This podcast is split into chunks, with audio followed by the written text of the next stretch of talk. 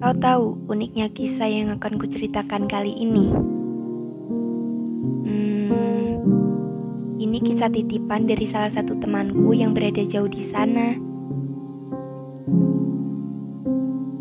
Ada judul, clue, bocoran alur dalam kisahnya.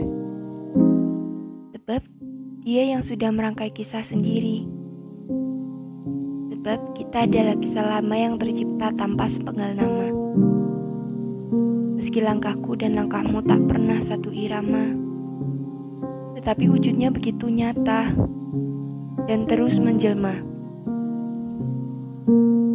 Bahkan, dunia seakan sengaja membuatnya terus menggema, mengukungku dalam asa yang masih sama, ketika bayangmu semakin jelas merengkuh sukma.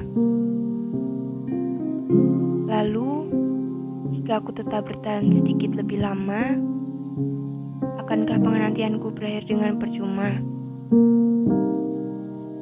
Penantian yang tidak tahu kapan habis masa waktunya. Lalu peran langkahku memelan dan berhenti di persimpangan jalan. Hal terberat yang pernah lakukan sepanjang menulis kisah tak serama ini sendirian.